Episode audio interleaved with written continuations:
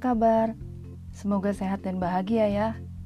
Ketemu lagi dengan podcast Cewira episode 6. Dan di sesi ini, Cewira mau bahas salah satu rutinitas di Widya Karuna, yaitu circle time. Apa sih circle time? Apa manfaatnya? Ingin tahu lebih lanjut?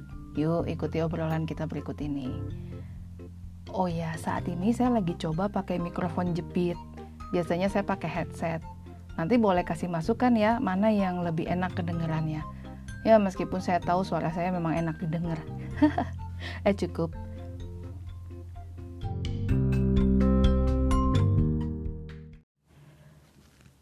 Circle time.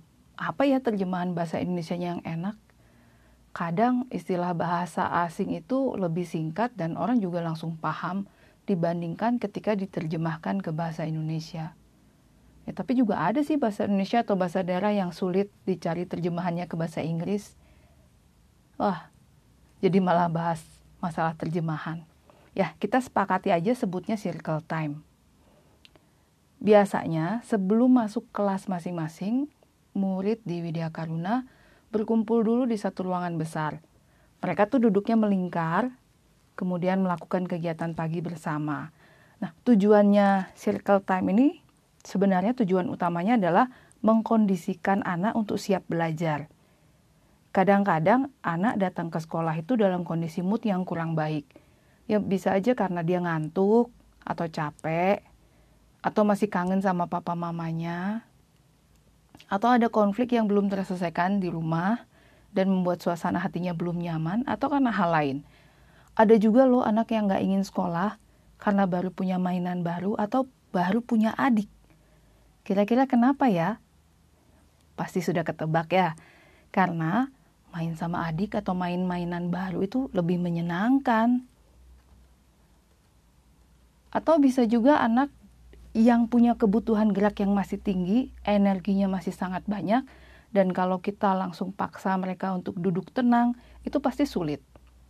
Anak akan merasa sangat tersiksa waktu dia harus menahan diri untuk tenang, akhirnya dia jadi gelisah, susah fokus, susah konsentrasi, dan alhasil juga mempengaruhi suasana belajar mengajar di kelas. Dan kadang-kadang juga bisa menimbulkan konflik dengan teman secara tidak sengaja. Misalnya, karena energinya berlebih, pas dia jalan atau lari, nyenggol atau nabrak temennya sampai jatuh, terus temennya nangis. Padahal si anak gak bermaksud loh, tapi dia gak bisa kontrol kekuatan energinya ada banyak sih contoh anak yang punya energinya berlebih. Cirinya yang paling kelihatan itu gak bisa diem, sukanya lari dan lompat. Itu kalau olah, seolah-olah ya kakinya tuh kayak ada sayapnya atau ada pernya. Tapi berbahagialah, wahai para orang tua yang punya anak dengan energi yang banyak ini. Potensinya sudah ada, tinggal diarahkan ke hal-hal yang positif dan membangun Dibandingkan kalau anak yang tingkat energinya rendah, mager kayak koala atau kayak kukang atau sloth, binatang yang gerakannya super lambat itu, kan tahu kan yang ada filmnya yang ketika dia ketawa, ha, ha, ha, ha udah hilang deh. Nah, tingkat kesulitan untuk meningkatkan energi anak yang kurang lebih sulit daripada mengurangi energi yang berlebih pada anak. Anyway, hais, gaya pakai bahasa Inggris. Anyway, apa ya? Bagaimanapun, aneh ya, tapi nggak apa-apa deh. Bagaimanapun, guru punya tugas melakukan pemetaan sejak anak didik datang ke sekolah. Mengamati kondisi suasana hati si anak. Dan apabila ada hal-hal khusus, guru bisa langsung ngobrol dengan pengantar untuk cari tahu kenapa nih mood anak turun. Atau ada apa yang terjadi di rumah atau di sepanjang perjalanan menuju ke sekolah Data ini cukup penting. Karena apa? Guru jadi tahu apa yang harus dilakukan saat circle time atau saat mulai proses belajar di kelas masing-masing. Ada masanya RPPH atau rencana pelaksanaan pembelajaran harian tidak bisa diterapkan karena kondisi anak didik tidak memungkinkan. Guru harus cepat mengambil keputusan untuk mengganti metode belajar untuk membantu anak didiknya. Pernah tuh satu hari di kelas saya lupa di TKA atau TKB Jam pertama itu muridnya sebagian besar gelisah. Jadi sama gurunya diajak lari mengelilingi bangunan sekolah sampai mereka merasa cukup bergeraknya. Ada yang satu kali keliling, lari keliling, udah selesai, terus masuk kelas dan mereka main mandiri. Ada yang sampai semua temannya sudah masuk kelas, baru akhirnya dia yang paling terakhir masuk kelas. Tapi ketika dia masuk kelas, dia sudah anteng dan dia bisa fokus. Karena apa? Kebutuhan untuk bergeraknya, energi yang berlebihnya itu sudah tersalurkan. Jadi penting sekali guru itu memahami kondisi anak didik. Guru itu harus student center, bukan teacher center Student center itu maksudnya apa sih? Student center itu artinya guru menjadikan murid sebagai pusat. Guru harus paham kondisi anak sehingga tahu cara pendekatan yang paling sesuai untuk anak itu. Kalau guru mengajar terpusat pada dirinya, ya mau anaknya paham, nggak paham ya terserah. Nah, biasanya guru yang seperti ini ngajarnya cuma satu arah, nggak asik. Dan guru yang model kayak begini nih, nggak ada di sekolah Widya Karuna. Kembali ke circle time, di 15 menit pertama, anak diajak berdoa bersama, menyapa guru dan teman, serta menyebutkan empat peraturan. Selanjutnya mereka bernyanyi sambil bergerak, disesuaikan dengan tema.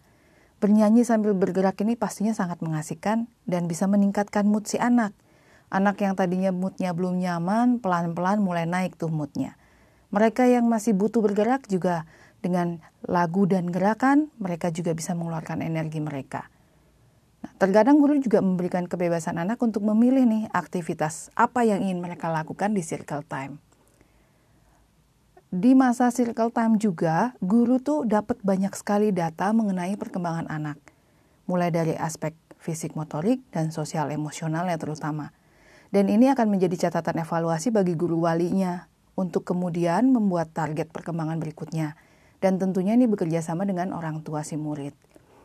Untuk anak usia dini, perkembangan fisik itu sangat penting karena itu akan menopang perkembangan aspek-aspek lainnya dan menopang perkembangan aspek-aspek di tahap perkembangan berikutnya. Perkembangan fisik yang dimaksud di sini adalah perkembangan fisik yang menyeluruh mulai dari motorik kasar, motorik halus, keseimbangan, dan koordinasi. Semua bagian fisik dari si anak itu dibantu untuk berkembang secara sempurna. Berkembang hingga matang. Dan karena matang ini akan memudahkan anak untuk melakukan aktivitas yang lebih kompleks dan lebih rumit di tahap perkembangan di usia selanjutnya. Relasi sosial juga bisa berkembang nih. Anak-anak bisa saling kenal teman-temannya, kenal adik kelasnya, kenal kakak kelasnya. Mereka tuh bisa hafal loh nama-nama temennya. Dan nanti di rumah mereka biasanya cerita ke orang tuanya tentang teman-teman yang menarik perhatian mereka. Jadi secara tidak langsung orang tua juga ikut kenal nih dengan teman anaknya. Dan saya yakin pasti seru banget tuh mendengarkan cerita si buah hati di rumah. Jadi circle time itu penting loh bagi anak. Mereka jadi punya waktu untuk menyiapkan diri sebelum mulai menerima materi pembelajaran. Nah, kalau ada anak yang datang terlambat dan tidak mengikuti circle time, biasanya di kelas juga mereka mengalami masalah dalam penyesuaian diri. Karena mereka butuh waktu untuk menetralisir dulu suasana hati mereka yang tidak nyaman karena datang terlambat. Dan mereka juga belum bonding, belum membuat ikatan emosi atau ikatan hati yang kuat dengan guru dan teman karena tidak sempat main sebelumnya. Kami punya pengalaman dengan satu murid yang sering sekali datang terlambat. Sering tidak ikut circle time. Dan ini sangat mempengaruhi mood si anak. Saat di kelas dia lebih banyak diem, sering konflik dengan temennya. Ya istilahnya disenggol aja nangis. Kalau diminta maju dan bercerita nih biasanya menolak atau lama sekali baru kemudian mau maju. Sampai akhirnya orang tuanya mau nih, mau berusaha mengantar anak lebih pagi. Itu langsung terlihat perbedaan yang jelas. Si anak itu lebih mudah diajak bekerja sama, mau main sama temennya. Ketika konflik sama temennya dia lebih kuat, lebih sabar, nggak langsung nangis. Lebih banyak ketawa. Dan mempengaruhi juga ke daya juangnya ketika dia di kelas mengalami kesulitan, dia masih punya daya juang itu. Kok bisa ya dengan datang lebih pagi dan ikut circle time mengubah perilaku anak itu? Ya karena anak punya rutinitas yang jelas. Dia tahu nih apa yang akan terjadi berikutnya dan dia bisa mempersiapkan diri. Dia bisa punya kendali atas situasi yang dihadapi. Dan ini membuat anak merasa nyaman, merasa aman, dan ini juga sebenarnya membantu proses terbentuknya rasa percaya diri. Coba bayangkan ketika dia terlambat, dia kan sudah punya gambaran nih, terlambat, kegiatannya apa yang dia nggak ikutin, dia nggak tahu lagi. Jadi sudah ada kecemasan di dalam dirinya ketika dia mengalami kondisi terlambat. Tapi kalau dia datang tepat waktu, dia udah tahu nih, oh jam segini bel, jam segini kegiatannya ini. Jadi dia lebih aman. Nah, saat belajar jarak jauh seperti sekarang ini, di masa pandemi ini, circle time tetap dilakukan, tapi dengan durasi yang lebih singkat. Dan di waktu yang singkat itu pun, guru sudah bisa membaca suasana hati di anak didiknya. Circle time itu kayak pemanasan. Jadi kalau misalnya motor manual gitu, biasanya kan dipanasin dulu sebentar supaya gerakan mesinnya tuh lebih halus, lebih gampang ngegasnya. Anak juga gitu, mereka perlu pemanasan biar lebih semangat dan juga bantu lebih fokus. Baru kemudian materi utama diberikan. Anda juga bisa loh melakukan circle time bersama anak tiap pagi di rumah sebelum memulai kegiatan sehari-hari.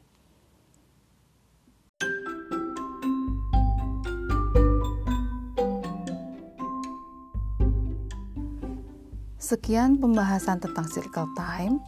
Terima kasih sudah mendengarkan podcast Cewira ini hingga selesai. Semoga manfaatnya juga bisa dirasakan bagi kita semua. Nanti ditunggu ya cerita pengalamannya melakukan circle time di rumah bersama buah hati. Semakin hari dalam segala hal kita semakin baik dan semakin membaik. Cewira sayang kalian semua. Dadah.